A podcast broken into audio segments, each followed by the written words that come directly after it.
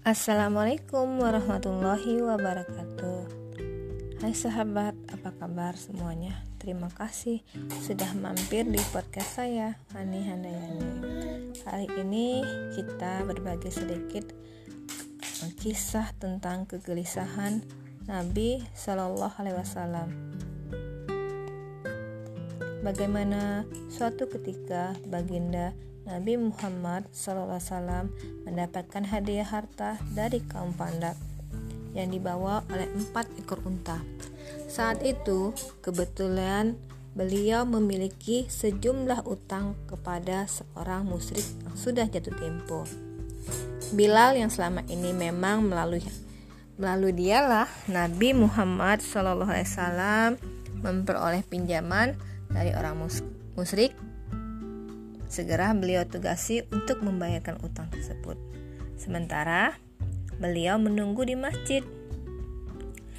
Setelah seluruh utang itu dibayar, Bilal segera kembali menemui beliau. Baginda Nabi Shallallahu Alaihi Wasallam kemudian bertanya, apakah masih ada harta yang tersisa? Ya, masih ada sedikit, jawab Bilal. Beliau lalu memerintahkan Bagikanlah harta itu sampai habis hingga aku bisa merasa tenang. Aku tidak akan pulang ke rumah sebelum harta itu dibagikan semuanya. Bilal pun pergi untuk membagikan harta yang tersisa kepada fakir miskin. Selepas sholat isya, baginda Nabi Shallallahu Alaihi Wasallam bertanya lagi, masih adakah harta yang tersisa? Masih, karena belum ada orang lain yang memerlukannya, kata Bilal. Baginda Nabi Shallallahu Alaihi Wasallam kembali tidur di masjid.